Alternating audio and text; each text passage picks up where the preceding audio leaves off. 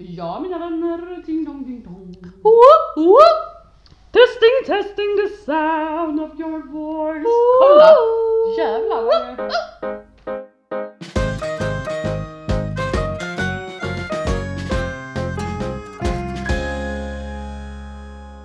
Judaspodden. Avsnitt tre! Tre! Nu går det undan. Ja, nu går det undan här. Nu, Ja, nu snittar vi ett i veckan. Ja men faktiskt, det är en bra statistik nu tycker jag. Idag sitter vi hemma hos mig. Just det. Det har vi inte gjort innan. Nej, det är premiär för detta. Vi får se. Vi har ju den här kudden här ju. Ja, kolla på Instagram så får ni veta mer om kudden. Mm. Hur är det med dig? Det är bra. Jag har eh, åkt buss hit faktiskt. Mm, Och det är lite ovanligt för mig eftersom jag brukar cykla eller gå. Ja, vi cyklar Ehm, elcykel. Ja men precis, vi försöker vara lite miljövänliga. Mm. Jag har ju inte heller något körkort. Som, det är någonting vi har nämnt i varenda Ja, avsnitt. jag har det. Ja. Eh, jag eh, tycker det är väldigt spännande att åka buss. Jaha. Eh, just så för att eh, jag inte gör det så ofta. Och titta lite så på människor och se vad de gör. Och, Jag gör ju det när jag cyklar. ja. Eh, vilket ibland leder till att jag inte krockar eller håller Ja. på och krockar Du eller... brukar ju också säga att det är folk som kör in i dig mest. Det händer väldigt Det är ofta. väl kanske Ja. en friserad sanning. Nej, nej, de gångerna jag sagt det har det hänt. Ja, Ja, men Mm. jag är också bra på att säga att jag tappade uppmärksamheten lite. ja okej. Men jag tänker att det är enklare, det är mindre störmoment när du liksom bara åker buss. Det enda du behöver hålla koll på är När du ska, när du gå. ska gå av liksom. Ja. Så. Ja. Ehm, Vi har det väldigt bra för vi bor på samma busslinje. Exakt, det är ju som meant to be liksom. Och du har en station utanför dig och jag har en station Mm. precis utanför Mm. mig. Så det är, det är svårt väldigt- att misslyckas med det faktiskt. Mm. Väldigt lätt för oss att ta oss till Mm. Så idag tänkte jag skulle testa att åka buss och det gick jättebra. Det så nu är jag här. Nu är du här. för det. Ja, och du, Mm. glad Harry Potter-dag. Idag är det internationella Harry Potter-dagen. Ja, herregud vilken fest! Ja, och du berättade för mig att eh, efter förra avsnittet, Mm. när jag eh, pratade så mycket om Harry Potter, Mm, just det. Så hände det något i din familj. Då hände det så att min man blev väldigt liksom Harry Potter-sugen. Oh. man säga så? Så han, så han eh, har faktiskt eh, köpt lite böcker och filmer och grejer till eh, vår, eh, vårt ena barn Mm. som nu ska indoktrineras Mm. av detta och då tänker jag att jag eventuellt också får lov att ta en dos Ja, Harry Potter. ja, jag tänker att kan vara lite svåra ord, men jag tänker Ja. att man kan ju börja och sen så kan man läsa den många gånger. Ja men precis, och kompletterar man med filmen då så blir det kanske en annan förståelse. Lite läskigt. Ja, detta har hon Mm. då full koll på, men hon gillar läskigt. Ja, ja men Så. hon är ju tuff och cool. Ja, men precis. Och eh, jag är ju för att in, liksom Mm. introducera Harry Potter, ju tidigare desto bättre. Ja, då tänker jag att fyra år är väl kanske ändå lämpligt. Ja, det är nog så tidigt som det går. ja, ja. Precis. Ja. Men då är du lite så influencer då ju. ja, Att eh, vi har jag lyssnare influencer. som Ja, influeras av oss. Så. precis. Det är lite kul ju. det är kul att vara influencer tycker jag. Ja. Ja, eh, hur har du firat Harry Potter-dagen? Inte alls antar jag?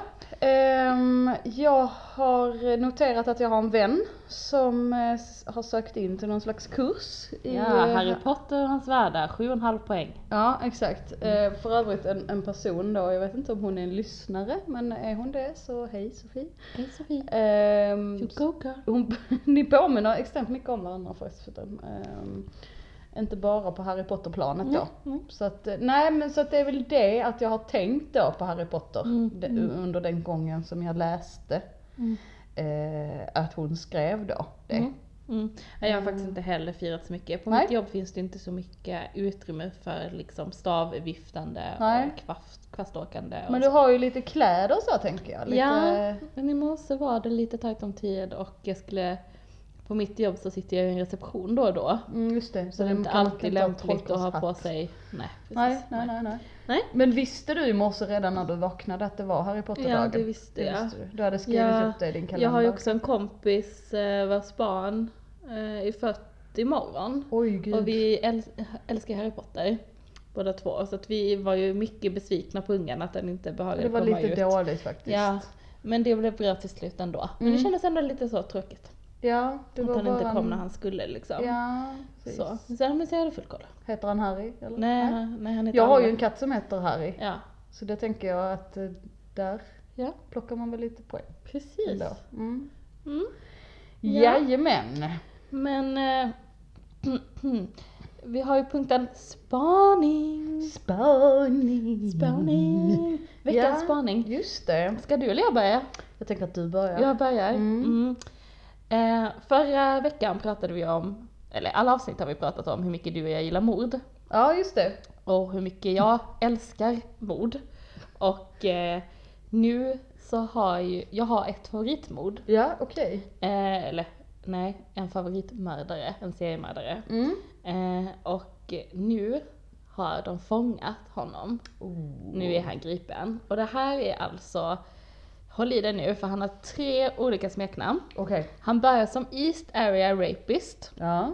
sen blev han Night Stalker Mm. och till sist så blev han The Golden State Killer. Mhm. Och det är The Golden State Killer som man går ut eh, som ett samlingsnamn. Mm, och det känner jag igen också ju. Ja, och det har varit ganska stora nyheter för han har hållit på i 40 år. Det är helt sick. Ja, och han är min favorit alla kategorier eftersom att han är så läskig. Ja. Eh, det började ju för, för, eller för två år sedan var, var det 40 år sedan. 2016 gick de ut med att de ville ta upp utredningen igen. Mhm. Efter att en kvinna som heter Michelle Ma- McNamara Mm. eh, hade börjat skriva en crime true crime-blogg och verkligen grottat ner sig i det här fallet och var så här: det finns lösa trådar, jag tror på de här teorierna. Då visste ingen vem han var då alltså? Nej, eller? alltså man hade inga spår efter honom. Nej. Men hon gick liksom all in och blev nästan besatt av det här mordet och att liksom komma och hitta lösningar och teorier och prata med polisen och prata med många människor. Mm, mm. Och hon skrev också en bok om det här som heter I'll be gone in the dark tror jag, Mm. som precis har kommit ut. Det som är lite spännande där är att hon helt plötsligt dog. Nej. Men det var inget mord. Nej, okej. Men i alla fall. Och det är man hundra på eller? Det är man nästan hundra på, men det finns ju alltid konspirationsteorier för Ja, att hon ja, ja, dog med höga mängder droger i kroppen, som droger som hon inte brukar ta. Ah. Men i alla fall, Ja. Mm. för 40 år sedan Mm. så eh, i the Sacramento area Mm. i USA började en man att attackera ensamstående kvinnor Ja. och våldtog dem väldigt eh, Grovt. grovt. Mm. Och några dog, några dödade han inte, Mm. men några ströp han. Mm. Och det blev en stor liksom, jakt på den här mördaren. Mm. Eh, men man hade egentligen inte så mycket spår att gå på. Ingen DNA då eller? Nej, det här var ju för 40 år sedan Ja, så då, just det. fanns ju, det var mer fingeravtryck och sånt. Ja. Eh, och eh, det som är läskigt då är att de höll en presskonferens. Eh, och eh, då var det en man som sa i media senare att eh, han är så feg. Eh, för att han går bara på ensamstående svaga kvinnor. Mm. Och att det är ett väldigt fegt sätt att begå brott. Och då tänkte just lackar Rapist att eh, du ska få se att jag inte är så feg. Så han börjar attackera par. Okej, det är väl- Alltså Mm. både en kvinna och en man. Mm. Det han gjorde då var att han band båda två. Mm. Band fast mannen vid en stol eller ett bord eller någonting. Mm. Hämtade gafflar och knivar i köket. Mm. Högg dem i mannens rygg. Och säger eh, om du rör dig så de här trillar ner så kommer jag döda dig och din fru. Så det är bäst att du sitter still. Åh, Och sen våldtar han frun. framför mannen Framför mannen. Mm. Eh, på väldigt grova sätt. Mm. Och det här gör han många gånger. Och inte nog med det, när han är färdig med sina våldsbrott Mm. så gör han sådana bisarra saker som att typ gå igenom hela huset, ta troféer som typ en halv utdriven bild ur ett fotoalbum som det skulle ta år innan offren såg att han hade tagit. Lagade Men mat i deras gud. kök, satt åt middag, spelade musik, åt middag i deras dining room.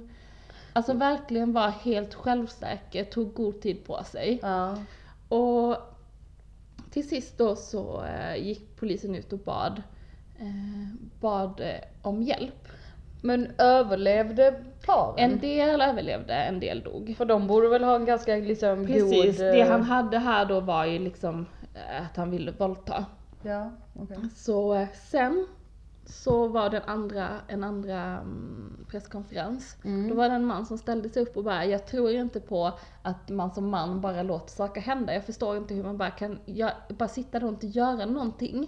Aha, alltså Eh, mannen i I paret då paret, hon precis. på, Hur, hur, hur kan man bara låta det hända medan en man gör så här Ja. mot ens fru? Ja. Jag fattar inte det, det är så jävla dumt. Tre månader senare blir hans familj attackerad. Åh herregud. Eh, och utsatt för samma tortyr.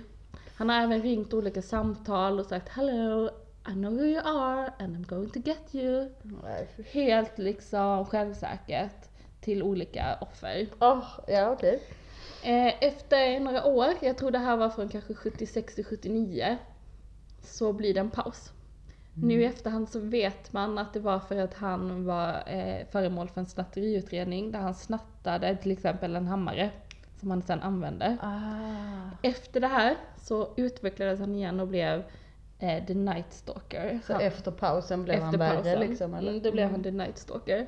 The Night Stalker-perioden är inte riktigt min favoritperiod men han stalkar människor intensivt. Alltså inte På bara natten? på natten och på dagarna och han liksom, alltså han gör väldigt eh, djupgående stalking. Så han, eh, han lägger liksom dagar i veckor på stalka. Så kartlägger Ja, vet vilka som och- jobbar på jobbet, när de är där, vilka som bor i lägenhetshusen, när de brukar gå till jobbet, när de kommer hem, hur ofta de har vänner hur ofta de har fest. Usch, jag ryser liksom i mitt skelett just Mm. nu. För att liksom kunna utföra de här brotten i fred. Så då ville han fortsätta då med Ja. sin liksom så här, vad heter det? Ja, precis. Mm.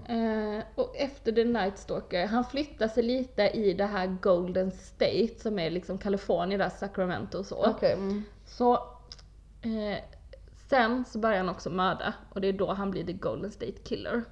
Och då är han liksom mer en mördare än en våldtäktsman och en av anledningarna man tror är att han blir äldre. Så att han har inte en lika hög sexdrift. Men, men, Från början så någon tror man att då eller? Ja. Mm. Och från början så tror man att eh, det East Area Rapist börjar när han är tonåring.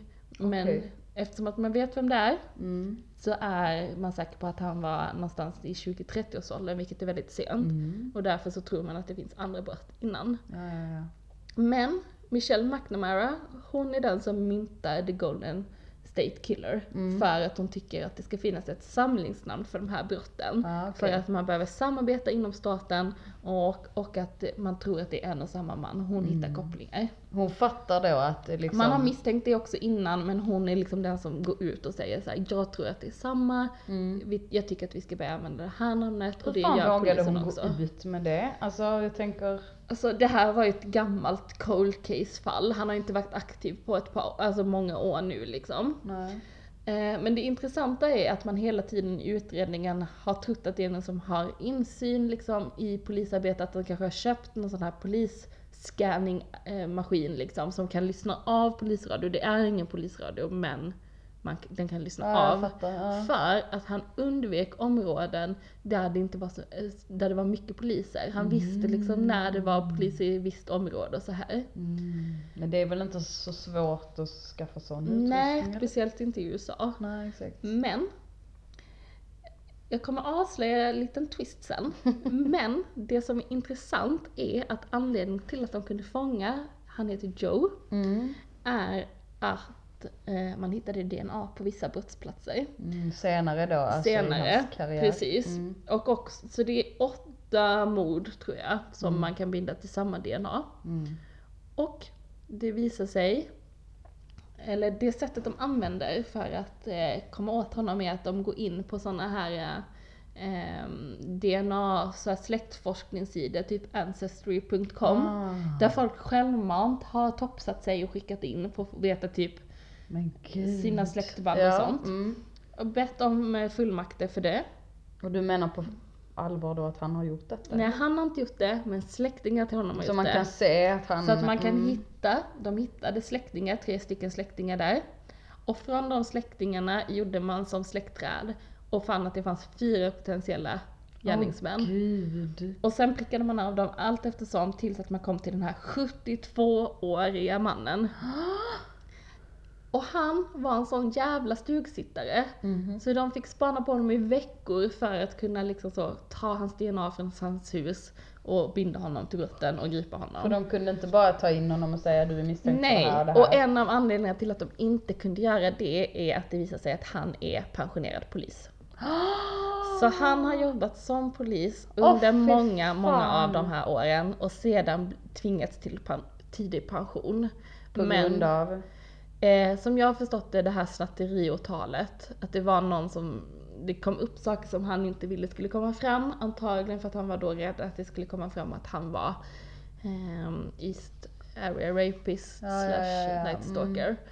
Eh, och då, ehm, eh, då gick han med på att sluta inom polisen. Men så att han har liksom haft tillgång till väldigt mycket information, han har bott, han har bott i de här områdena hela tiden, Mm, han har jobbat självklart. inom de här områdena. Mm. Så att han har liksom legat ett steg före hela tiden. Men han har inte jobbat med det, alltså sina fall det har eller? inte kommit fram så mycket, men nej. Nej. Men sen samtidigt, han har ju jobbat i de här polisdistrikten som inte har varit så stora, där de här Ja. första brotten skedde och så. Mm. Men man vet inte, de har inte lämnat några uppgifter om man tror att han har fuskat med liksom bevis och sånt. Är det nu, nu han har blivit... eh, Ja, eh, denna veckan. Ja, åh Mm, gud så så, eh, färskt. förra veckan. Ja. Så att, eh, mm, Men det är min shit. spaning. Så att jag kommer ju följa det här väldigt noga. Man Ja, det gick jag. också, man hade en jättestor polisstyrka när man skulle gripa honom in i hans eh, hus. Mm. För att man var jätterädd att han skulle ta livet av sig. För det Ah. gör ju många sådana här eh, som har kommit undan länge. Men det kunde han inte loppet- göra Nej, eller? Nej. de kunde gripa honom men han är gammal. Ja. Och han är ganska skröplig. ja. Och han är på suicide watch på eh, fängelset.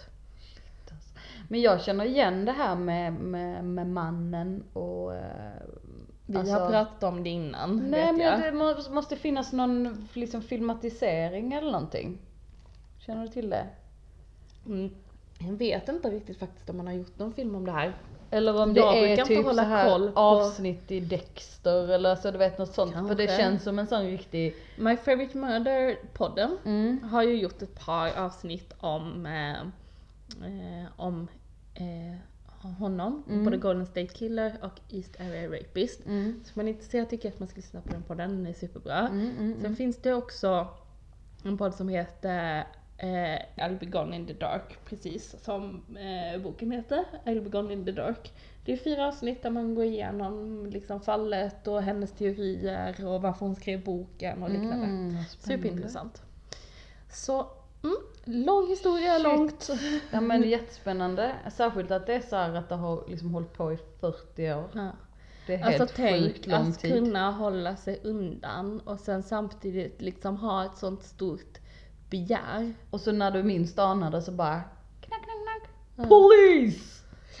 Eller Men det är också så, i hans fall så tänker jag att det är en så extra stor sak eftersom att han jobbar inom rättsväsendet Ja, och visst. vet liksom hur, hur, hur illa man ser på liksom våldtäktsmän visst. och mördare och Han har måste ju ha hört dem prata om honom liksom. Ja flera, precis, och flera han måste ju gånger. ändå ha den här rättskänslan på något sätt, att Mm. han verkligen vet att det är fel det han gör. Han, också, eh, han skapar ju också väldigt stora rubriker för att han började döda pars hundar. Så eh, typ sprättat upp hundar och sånt. Nej. Fan, Han lär ju ha plågat djur och sånt Ja, eh, i sina men i de tidiga fallen så tror man att det är till exempel, han blev jagad av en, Jaha. en polis. Mm. Eh, och, då, eller, och en man. Eh, och då... Eh, Under ett liksom... Ja, det finns ett tillfälle där, han, där liksom eh, paret kom undan och han sprang efter dem och de sprang ut i trädgården och Ja. där hade de en pudel. Och då tror man att eh, pudeln liksom har attackerat honom eller att han liksom så inte ville att han skulle väcka uppmärksamhet och då Mm. Nej. dödade han den liksom i farten lite. Ja, men- Ja. Ja okej. Mm. Nej, så det är trevligt. Ja, Ja, det var jag min vet inte om man spaning. skulle uh, uh, säga att det var trevligt men uh, ja men det är Ja. spännande i Ja alla men så fall. det här kommer jag följa mm, på nära håll höll jag på att säga. Nej men eh, jag kommer inte åka dit men Nej. jag Men vi kanske får en uppdatering Ja. då om det dyker upp någonting mer i detta fallet. Precis, så av, uh, Golden State Killer. Ja, Kåt. Yes. kåt. Alltså kåt som Jaha, fångad. kåt! Ja, engelska. Yes. Kåt. Kriminalkommissarie Sandra. Ja, Yes. alright. Ja. Men du då, vad har du spanat på? Ja, precis som eh, större delen av världens befolkning har jag noterat att eh, Ekonomin är kass. Ja, dels det, men även att eh, artisten Avicii har eh, gått hädan, så att säga. Mm. Ehm, jag nåddes av denna nyhet eh, på Instagram tror jag. Och så var jag så här, yeah yeah, Avicii, ja ja. eh, Ni har ingen nära relation, det är inte så att du har liksom så här fina min- minnesbilder, du har inte fött barn till någon av Aviciis låtar? Nej, det kan jag Nej. Jag eh, trodde att Avicii var ett band. Ah, Ända fram till då när jag fick reda på att det var en person. ja, för att jag Eh. trodde att han var med i de här Swedish House Ja, men exakt, Mafia, men det har han inte varit. Nej. Nej. Eh, så att jag var lite så här, ja ja ja ja ja okej så. Och sen så såg jag en bild på honom då så var jag så här, whatever, jag vet inte vem det är men ehm, Du brydde dig helt enkelt inte så mycket. Inte, inte jättemycket, tyvärr, alltså det måste jag erkänna. Men eh, sen började jag då läsa lite om, om honom och så. Eh, och väldigt mycket snack om en dokumentär som går på SVT Play. True stories. Exakt, har du sett den? inte sett den. Nej. Det hade inte jag heller, men då tänkte jag att, eh, ja men vad fan, om alla pratar om den då får jag också kolla på den. För att eh, jag måste hänga med med Mm. sociala Jag kompetens. tänker att jag ska kolla på den också. Ja, jag tror att du kommer vilja göra det. Mm. Eh, och det intressanta då är ju att jag vet inte riktigt när den kom. Men det känns som att den kom ganska liksom nu. Ja det var väl lite innan här han dog. Ja, men Alltså precis. Så, det var inte jättelänge sedan liksom. Nej. Och eh, dokumentären då handlar om hans eh, liv som artist. eh, och hur han liksom har brottats med eh, känslor kring eh, ja men lite psykisk ohälsa och så här. Att han kanske inte var gjord för det här artistlivet så. Att han hade väldigt eh, mycket ångest när han skulle upp på scen och uppträda och ehm, Han drack väl ganska mycket alkohol så han fick den här bukspottkörtelinflammationen. Ja men precis, jag vet inte om det är relaterat till just alkoholen, man kan ju få det ändå liksom, men det hjälper ju nog inte att, att dricka. Mm. Eh, och då blev han väldigt så pushad av, ja, det här bolaget då eller så som han eh, jobbar för. Management. Ja men precis, och då, då är det ganska så här, eh, vissa scener som är verkligen så här, man bara, men för helvete. Eh, han typ så här, han bara, det är så ont, det känns som någon sticker en kniv i magen och en i ryggen på mig. Så, här, så bara, ah, ja ja men eh, kan du ta en telefonintervju nu klockan två? Alltså du Just vet. det, ja men det klippet har jag faktiskt Ja sett men så han är som en sån här kassako liksom så. Mm. Ehm, och det var väl någonting i hans personlighet som som jag kände att jag kände igen hos någon. Jag kan inte liksom sätta fingret på men det kändes verkligen så här som att okej, här är en kille med, med stor talang. Jag eh, är inte så här superförtjust i den typen av musik. Jag tränar gärna till sån musik liksom. Men det är inte så här att jag, åh nu vill jag sitta här och lyssna på Du vill inte en symfoni av Avicii liksom. Nej. Det är inte så. Men jag har respekt för att han, han gör eh, den typen av musik och li- liksom ehm, Är det någon som har kallat honom för att, så här, den nya generationens Beethoven? Ja men precis. Ehm, det vet jag inte om jag tänker hålla med om men jag har respekt för, för det han gör och jag förstår att det är liksom, det är väl en konstform i sig och så. Mm. Ehm, men, vad skulle jag säga med det? Det liknar någon. Jo men precis, hans personlighet. ehm, jag blev så himla liksom berörd av eh, att jag tyckte liksom synd om honom och tänkte så här att han ehm, är fast i någon slags fälla av machokultur och liksom så här, men du ska, du ska vara på detta sättet och du ska bete dig på detta viset och eh, du ska tjäna pengar och liksom så här. Och att han, han passade aldrig in eh, i det då och så. Ehm, och sen då så nu så, den eh, eh, dokumentären slutar 2016. Mm. Eh, och nu då 2018 så hittas han död eh, på ett eh, slott typ. Ja precis. Oman. Just det, för han kände någon Typ sorts sultanens prins, ja, eh, släkting eller så. Och då så kommer ju alla de här konspirationsteorierna då. Ja. Mm. Eh, som jag har följt på Flashback. För att, eh, Jag har fortfarande aldrig varit inne på Flashback. nej och det är ju bara sjukt. Ja men jag tror att jag skulle fastna och bli... Ja men det är ju det man gör och det är ju därifrån denna spaningen kommer. Mm. För att dels är det ju då att den här dokumentären släpptes så sjukt lägligt eh, till hans död. Eh, dels är det att han då eh, ska ha tagit livet av sig på ett slott hemma hos någon annan. Mm.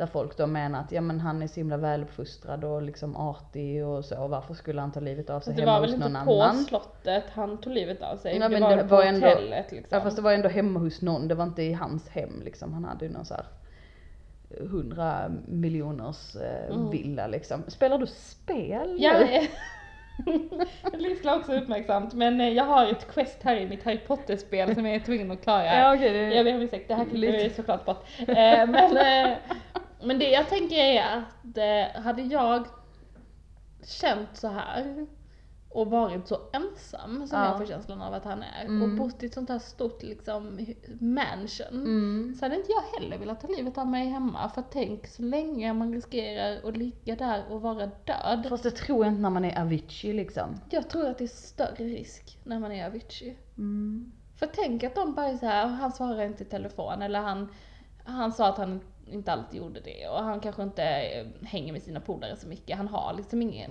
kring sig. Mm. Och så tänker folk bara, nej men han kanske skapar, han kanske, ska, han kanske behöver vara i fred och skapa. Mm. Och så, Ja, alltså för det att är han verkar möjligt. inte ha människor som brydde sig så mycket.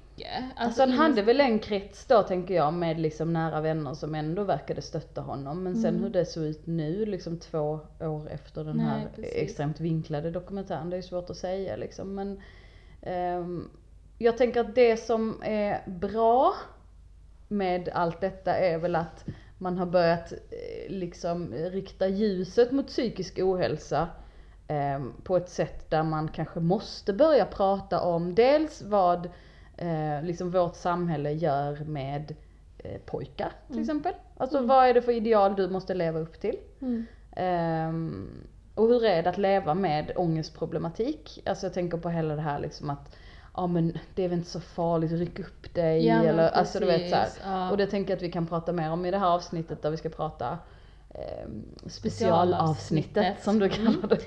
Ehm, men att det liksom viss problematik som man kanske har kanske inte går att liksom sova bort eller ruska av sig eller så. Nej men exakt och också att det liksom eh, Kanske också den här eh, att vara lyckad. Ja men precis. Eh, Att liksom att många kanske tänker att han har ju ingen anledning att må dåligt Nej. eller så är det exakt det han Ja, har. för han har ju allt. Han, Han har, har svin mycket pengar, han hade en flickvän, han hade liksom miljarders fans, han hade en talang, han hade allt. Men ändå så mår han inte bra och det tror jag sticker i, i ögonen på folk. Ja. Eh, jag men att det också det, att där måste man prata om psykisk ohälsa, tänker jag. Det tänker jag också. Och så tänker jag också så att det är väl exakt de människorna, de här liksom kreativa, sökande själarna, Mm. som riskerar så mycket att hamna i psykisk ohälsa. Mm. För jag tror inte att hans, hans liksom största sug i livet var nog inte att bli känd. Nej, Utan hans Det var att största skapa. sug i livet var att få skapa. ja precis. Och med det kom liksom en roll som han inte ville och inte Mm. kunde och inte orkade fylla upp. Nej, Och till precis. slut så tog det liksom över. Mm. Men det som då är märkligt, ehm, eller så, alltså det, Jag vet inte, men när folk dör så är det väl det att man vill så här, ja fast eh, man vill hitta alternativa teorier liksom. Mm. Men ja, jag tänker, eh, jag tror det var i Skäringer och Mannheimers podd, Mm. där någon av dem sa, vad var alla vuxna? Mm. För det är lite den känslan jag också fick, att vad var alla andra? Alltså, vad var hans mamma och pappa? Vad var liksom, Men han var ju 28 år så det var Ja, inte som att han fast- var ett barn liksom. fast om man har någon i sin närhet liksom som lider av psykisk ohälsa och är så, mår så dåligt liksom. Mm. Eh, så jag tror att man måste prata om det också, att man måste våga vara lite besvärlig Ja. i människors liv när man märker att någon inte mår bra. Nu hade han ju då eh, signalerat någonting Mm. till familjen så att familjen hade liksom slängt sig på första bästa Mm. plan men då hade det väl redan varit för sent som jag förstod det. Eh, men jag tänkte bara säga någonting om de här konspirationsteorierna Mm. då. Eh, för någonstans har det liksom byggts upp ett rykte om att han eh, har börjat eh, gräva lite i så här pedofili. Eh, och titta på, han, han var väldigt så, liksom han brann för att typ sätta dit pedofiler. Mm, mm. Eller så. Alltså det var inte så att han började titta på... Nej, nej. Men, ut, nej precis. Han sneglade dit den. Nej utan han, han ville liksom sätta dit pedofiler och den här sultanen i Oman, heter det Oman? Oman heter det. Oman. Och hur är det nu? Är Prag land? Eh, nej, Nej, det är faktiskt eh, en stad i Tjeckien. I Tjeckien. Mm. Ja, eh, Eh, och att han, den här sultanen då skulle vara någon form av känd pedofil och att det kanske var därför då han bodde där och att då är det ju jävligt skumt att han bara plötsligt hittas död. Alltså, Mm. lite så.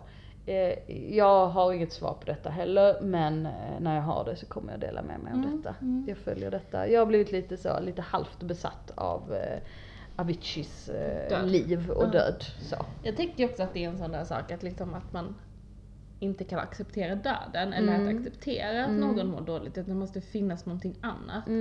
Ibland kan det vara så enkelt att en människa inte bara orkar mer. Ja, precis. Men, eh, mm. Och jag tror att det är upprinnelsen till alla de här konspirationsteorierna och eh, ja, jag vet inte, jag kan inte, jag kan inte släppa det riktigt Nej. så. Men så du håller koll på Aviciis Jag håller koll på liv och död Aviciis, yes. och jag håller koll på Golden State Killer. Ja men det låter bra. Det är en Ja. rimlig uppdelning så av arbetsuppgifter. Precis. Lyssna nu på den här övergången. Båda de här personerna verkar inte riktigt triva med sina jobb. Nej, Men vi ska prata om våra jobb nu. just det. Just det. Yes. Dagens tema är jobb. Mm. Ja, och vi har inte riktigt så här pratat om vad vi gör. Nej, vi har varit väldigt Vi har varit lite hemlighetsfulla. hemlighets- Har ju våra lyssnare på reagerat på. Ja. Mm. Men eh, jag tänkte att vi ska börja med att prata om varför vi gör det vi gör. Ja, Ja. Ska du eller jag börja? du kan börja. Jag kan börja. ja. ja, men jag får väl outa lite då. Ja. Jag jobbar ju på vårdcentral Mm. med rehabilitering av patienter. Mm. Men jag är ju inte till exempel läkare eller sjuksköterska, utan jag är statsvetare i grunden. Mm. Och jag jobbar ju med sjukskrivna patienter Mm. och hjälper dem tillbaka till jobb, eller vad de nu behöver. Mm. Och allt däremellan på vägen. Mm. Och det var inte alls det jag tänkte jobba med från början. Nej. Men så hade jag ett annat jobb som jag inte trivdes så mycket på. Och fick nys om det här jobbet. Vad gjorde du då på ditt förra jobb? På mitt förra jobb så jobbade jag med arbetsförmedling, fast inte på arbetsförmedlingen. Typ rekrytering? Rekrytering men också stöd och matchning heter det. Mm. Där man liksom hjälper folk att få jobb. Mm. Och det var ju kul för att man hjälpte andra, vilket Mm. jag tycker är jättekul och har väl varit lite så det jag vill göra med livet. Liksom, Känns i som ett form. genomgående tema. Ja men nu också jag då. har alltid velat hjälpa andra och känna att det finns mening i mitt jobb. Det har varit viktigt för mig att känna Mm. att liksom, det är meningsfullt. Att inte bara sitta på ett kontor och vända papper och så Nej. spelar det ingen roll liksom. Eh, Men jag trivdes inte alls speciellt bra där för Nej. att det var en väldigt så pressad arbetssituation, väldigt mycket handlade om pengar, väldigt mycket handlade om rating för att Mm. liksom få dit mer deltagare och Mm. Resultat liksom. resultat och Mm. ledarskapet var inte det bästa. Eh, men så jag kände väl att jag var på fel plats. Mm. Och blev lite rekryterad till det här jobbet för att min vårdcentral ville ha en koordinator. Mm. Men gärna någon som inte hade sjukvårdsutbildning. Mm. För att få in lite annat, Mm. andra perspektiv Mm. på Det är ju vården. spännande. Mm. Så eh, jag nappade på det Mm. och fick eh, använda min kompetens till att starta upp verksamheten. Alltså den här delen Så av den fanns inte innan då Det fanns liksom? inte Nej, innan. det är ju jättespännande. Eh, och jobba med policyarbete och liksom ta de bästa bitarna ur andra verksamheters eh, verksamhet och, och liksom starta upp från grunden. Så att detta liksom, eh, konceptet då, eller det du Mm. gör, det finns på andra ställen? på andra ställen i Skåne, precis. Ja, okej. Eh, men vi har inte haft det innan. Och det har varit superkul och det är fortfarande superkul. Jag älskar verkligen just det här kontakten med människor. Mm. Lösa ett problem som för mig kan vara en ganska enkel grej. Det kanske är att ringa ett telefonsamtal men som Mm. gör en väldigt stor skillnad i en människa som har, Mm. en människas liv som har det väldigt tufft just nu. Mm. Och också se en människa som kanske mår väldigt dåligt i vår första kontakt. Mm. Till att sen må mycket bättre och kunna vara en produktiv del av samhället, som ju faktiskt ett jobb är. Ja. Och en del av ens identitet som är ganska viktig. Ja. Tänk om du hade kunnat hjälpa Avicii på vägen. Tänk om. Ja. Det är svårt att vara sjukskriven och vara egen företagare. Ja, man det kan jag på. tänka mig. Ja. Det måste vara mm, svårt. Men varför jobbar du med det som du jobbar med?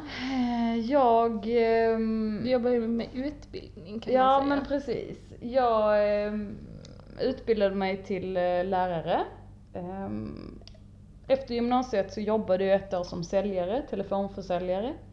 Eh, sålde el, Mm. eh, sålde Viasat Mm. och sålde eh, annonser i eh, telefonkatalogen. Du var alltså, LOL! 1932, nej. du var alltså en sån som ingen ville prata med. Ja, precis. Eh, men jag tyckte det var lite kul. Så, jag var liksom en glad eh, arbetare. Du gillar att bli Så. avfärdad. Nej, Nej! jag gillade att ha det här headsetet och Ja. knappa på datorn och så, det tyckte jag var kul. Som det var när man hade gått ut gymnasiet. Jag började ju Ja men precis, och man fick pengar och man kunde Ja. köpa mat och Den sånt. känslan hade ju inte jag riktigt eftersom Nej. att jag gick liksom från student till student. Ja okej. Mm. Nej men jag hade det här liksom hundåret som jag jobbade så. Mm. Men sen tänkte jag bara, bara nej men alltså vad, vad ska jag göra med mitt liv? Eh, Så då började jag plugga till lärare. Eh, Så Och vilken årskurs då? då eh, läste jag från förskola till eh, sexan, Mm. grundskolans tidigare år, eller något sånt heter det. Och på den tiden så var det så att ta tre, betala för två. Så Mm. att man fick eh, liksom tre examen, Mm. fritidspedagog, eh, lärare upp till sexan och förskollärare. Mm. Eh, man bara satte ett kryss då. Vilket man ville ha. Ja men precis, vilka examen vill du ha? Ja. Liksom. Och sen så, Fick så man var det tillbaks dem. typ, ja precis. Eh, Så då tänkte jag, men det kan jag lika gärna göra då. Jag tror att man skulle ha en, en termins praktik i varje liksom så, Mm. eh, grej man ville ha. Eh, så jag genomled en termin i förskolan, tyckte det var skittråkigt. Hade liksom min baspraktik i en fjärde klass. Och tyckte det var skitroligt och verkligen så här, jag ville vara så klasslärare och jag Mm. ville så här, ha min egen klass och så. Mm. Ehm, Kändes det som ditt kall i livet? Ja, så jag visste väl inte så mycket annat men jag tänkte jag har lekt mycket eh, lärare och så, fröken när jag var liten och så. Så jag tänkte att ja men det, det är väl detta eller veterinär och sen tänkte jag hur kul är det att jobba med sjuka djur? Sjuka djur, nej. Det är inte så nej. jättekul liksom. Då är det roligare att, att, att jobba med friska, Friska barn. barn. Ja. Mm. Ehm, men sen då när jag var klar lärare så fanns det inga skoljobb, ingen ville ha en oerfaren lärare som var typ 20 bast eller vad jag var. Ehm, men däremot fanns det massa förskolejobb. Så jag tänkte, ja men då tar jag ett förskolejobb tills jag hittar ett skoljobb. Men fastnade i förskolan och tänkte bara wow det här är skithäftigt. Jag Mm. hade ingen relation till förskolan så jag hade inte eh, gått själv i förskola. Ehm, Har du inte gått i förskola? Ja, lekskola gick jag i. Vadå lekskola när du är född på 1800-talet? Va, nej, det här måste vi, ursäkta oss Ja, får lyssnare, men det här detta. måste vi prata lite mer om. Vadå inte gått? Alltså gick du hos dagmamma? Nej, jag var hemma. Vadå Hemma, hemma? hemmasittare. Kan man säga. Alltså, min, till hur gammal du var då? tills jag började lekskolan, då är man väl, alltså det är väl typ förskoleklass. Typ Okej, sex, lekis, Sexan. Ja, som men det hette precis. när jag var ja, liten. Ja. Precis. Eh, mina föräldrar jobbade typ skift liksom. Så att min eh, mamma jobbade på morgonen, då var min pappa hemma med oss. Och sen så kom mamma hem från jobbet och då eh, tog eh, mamma hand om oss. Men gud. Så att jag har ingen relation så till dagis inom citationstecken. Ehm, Fast nu är vi pro förskola, eller hur? Ja, det heter Ja. ju förskola Ja. men på den tiden så var det väl typ Ja. ingen som sa det. Men eh, skit i det. Det hette inte förskola på den tiden Jo, det hette det. Gjorde det? Ja. Fanns det en läroplan också? Nej. Jo, 98 kom eh, första. Ja men du gick väl inte på förskolan i 98? Nej, jag var informerad. Ja, ja men jag menar att du i- skulle gått där, som Ja. du inte gjorde. Nej men det hette ändå förskola. Ja, okej. Men eh, i alla fall. Ja. Ehm, så jag blev ganska hooked på det här att eh, eh, man har så stor eh, liksom, möjlighet själv att eh, påverka det man vill göra. Ehm, det är liksom inte så strikt som skolan. Nu för tiden är det ju betyg också från väldigt Mm. låga eh, klasser och så. Så att jag hängde kvar där, ehm, bytte arbetsplats några gånger så, fick en chef som jag liksom eh, fick ett jättebra samarbete med, som verkligen så här boostade mig, trodde på mig, såg potential i mig. ehm, Gud vad kul. Ja men så det var verkligen så, där träffade jag verkligen rätt och hade liksom jätteroliga år då tillsammans med henne. Ehm, och hon peppar mig också att antingen då läsa en ledarskapsutbildning eller ehm, läsa vidare till specialpedagog. Ja. Vilket jag då påbörjade, Vilket av dem? specialpedagog. Och varför valde du det?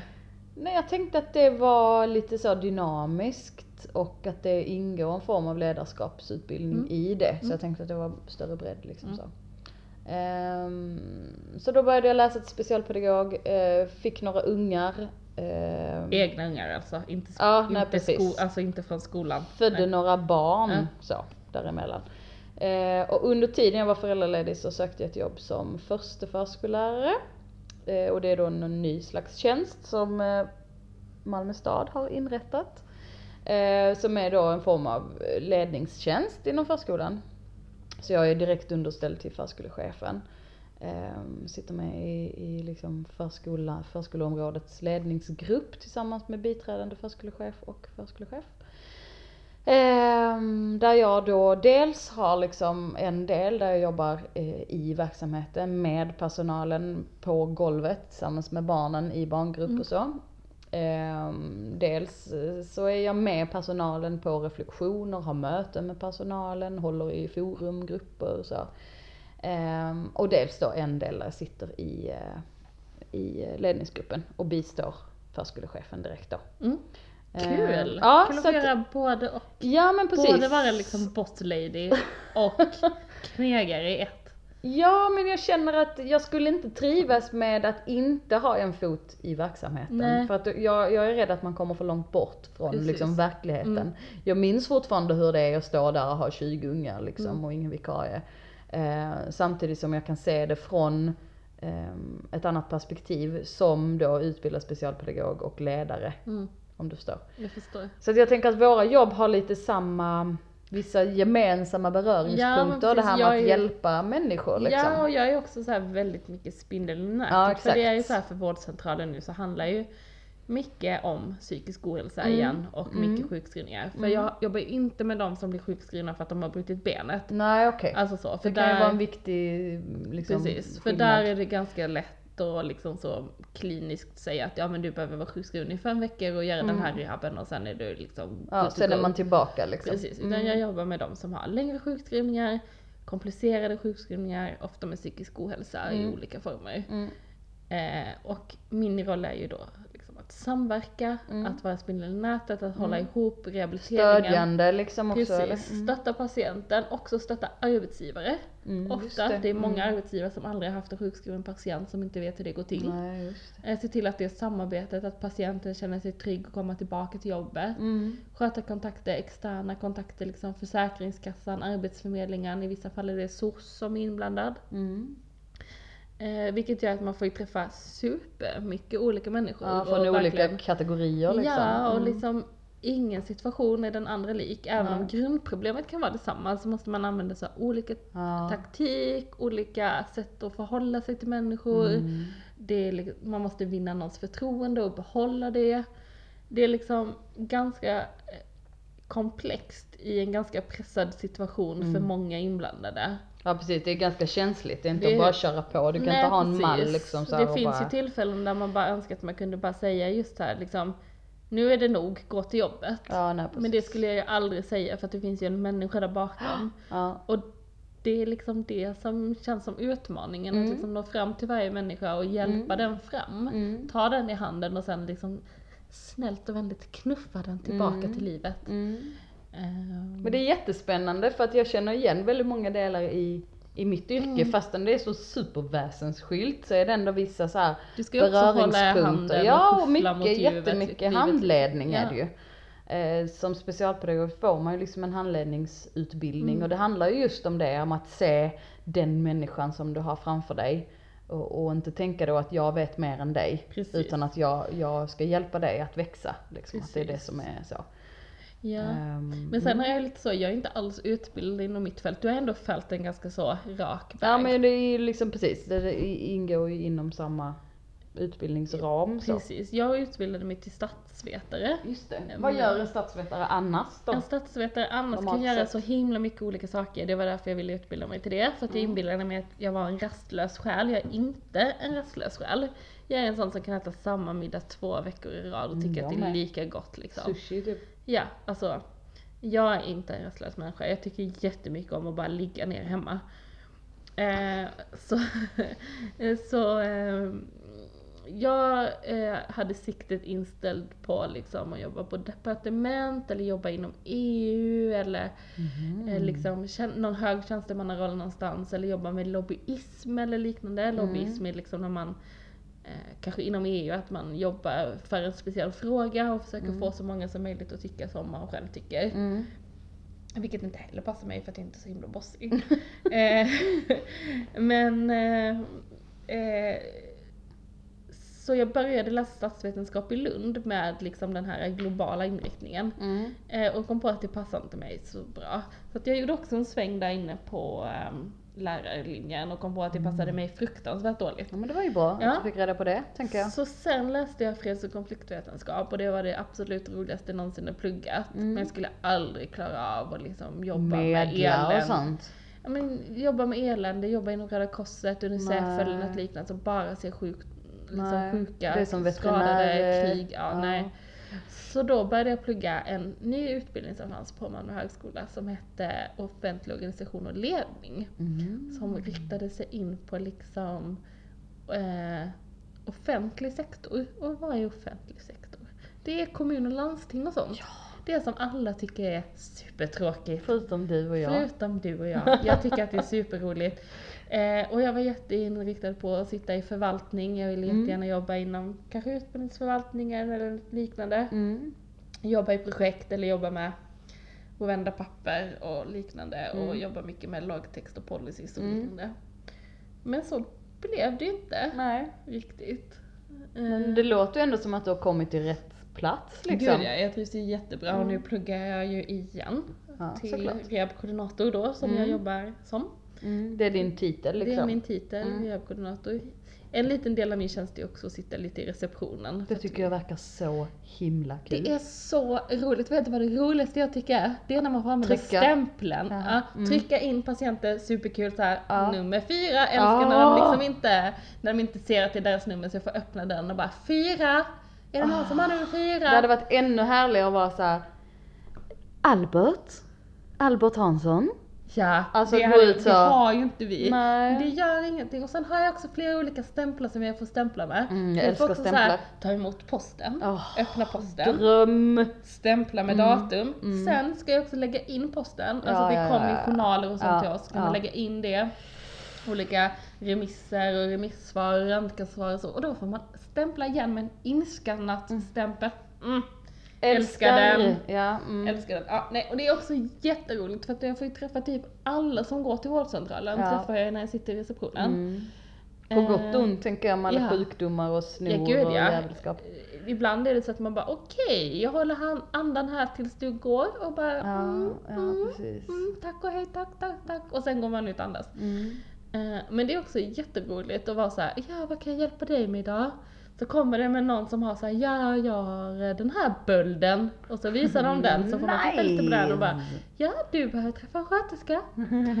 Ehm, så det är väldigt roligt och vi har ju väldigt många roliga, roliga patienter i Eslöv där jag jobbar. Mm. Älskar Eslöv, älskar alla gamla gubbar, Usch, älskar alla... Jag är born and raised så att jag eh, kan tyvärr inte hålla med dig om Nej detta. okej, nej Men, vi eh, har jätteroligt på mitt jobb nästan jämt i alla fall. Det är roliga patienter, det är roliga kollegor. Så jag trivs superbra. Men ditt lob, jobb, ditt lobb, Mitt lobb. ditt jobb låter ju också eh, väldigt varierat. Alltså jag tror att det är väl kanske där den här rastlösheten eh, kommer in eller? Ja, jo men så är det. Eh, att, eh, hade jag behövt göra samma sak hela tiden hade jag Ja. tyckt att det var dötråkigt. Ja men precis. Alltså verkligen supertråkigt. Eh, alltså det är nog därför jag lite liksom skulle vilja bli busschaufför. För att jag tycker att det skulle vara så himla roligt att bara köra runt i stan. Fast då skulle du göra samma sak varje dag ju. Ja fast jag tänker att man kan nog bli sån här som kör till Tyskland eller Italien. Jaha du menar så, Ett inte köra inte trean stats- liksom? Nej, inte stadsbuss. Nej men, eh, För att mitt jobb är också lite så att man, eh, alltså jag har, har ju liksom eh, en agenda på att det här och det här ska jag göra idag. mm. Men däremellan så kan det vara så här, nej men då kanske jag går in på en avdelning eh, några timmar eller så plötsligt så händer det någonting som jag måste ta hand om och så. Och jag liksom går igång på det. ja, jag, ja, många vet jag skulle bli extremt stressade av att ha så mycket att göra som jag har att göra. Mm. Och det är ju väldigt mycket timmar, ibland blir det ju kvälls och helgjobb och så liksom. Eh, men jag får liksom mer energi av att ha mycket på agendan. Mm, mm. Min värsta grej är att ha en tom kalender, då får Mm. jag liksom Alltså jag har ju ofta, jag har ju en tidbok, en digital tidbok Mm. liksom där jag bokar in patienter och Mm. andra kan boka in och så. Och eh, den är ibland luftig. Ja. Eh, sällan så fortsätter den ju att vara så. Mm. Men från en dag till en annan kan det se ganska lugnt ut. Ja, och sen, nästa bokas dag. det liksom ja, in efterhand eller någon kommer att Ja, jag hade den här patienten nu och kan du kolla på den och Mm. det ringer folk och det håller på liksom. Mm. Så det är heller aldrig lugnt för mig. Nej. Men jag kan styra mina arbetsuppgifter och min Ja, men liksom, tid väldigt mycket och det tycker jag är skönt. Att liksom säga nej jag vill inte göra administrativa uppgifter just nu. Mm. Då behöver jag inte det. Nej precis. Utan då kan det jag finns en tid för allting liksom. Precis, då kan jag ringa någon istället. Mm. Så det gillar jag. Eh, och det gör ju också att man liksom så tycker det är roligt att gå till jobbet. Mm. Och det är liksom så här, det viktigaste jag tycker med Ja, jobbet. ja. Att man har kul på jobbet, att man, att man gör nytta och att man liksom eh, att man liksom utvecklas på sin Mm, arbetsplats. Eh, för så som jag ser på arbete så är det såklart för att tjäna pengar liksom. Man Mm. måste ju så Mm. eh, kunna På något leva. sätt måste man ju dra in pengar i alla fall. Precis. Och kan man arbeta så tycker jag att då ska man det liksom. Mm. Eh, men... Eh, vad var det jag skulle säga? Jo men... Men, men liksom karriär för mig har inte varit det viktigaste. Nej. Däremot så tycker jag att arbete har en väldigt så samhällelig funktion. Mm. Att, eh, mm, att det är viktigt för människan att vara del i ett sammanhang Mm. som inte är liksom sin innersta sfär. Alltså, precis. många människor har ju kanske det här sammanhanget med familj eller vänner eller liksom så. Mm. Men att känna att man gör, att man bidrar, Ja. att man är i ett sammanhang där alla andra är. Mm. Jag har ju varit i en situation innan där jag inte alls jobbade. Nej, just det. Och känslan av att, eh, att vara hemma när Mm. alla andra går till jobbet är Mm. helt förödande Mm. i vissa fall. För att man hamnar ju i en position som är helt utanför det alla andra gör. Alla Mm. andra går till jobbet. Mm. Eller till skolan. Mm. Men tror du inte det handlar om att det inte är självvalt? Alltså för det, det, det känns ju som att det finns människor som inte liksom vill någonting hellre än att bara sitta hemma.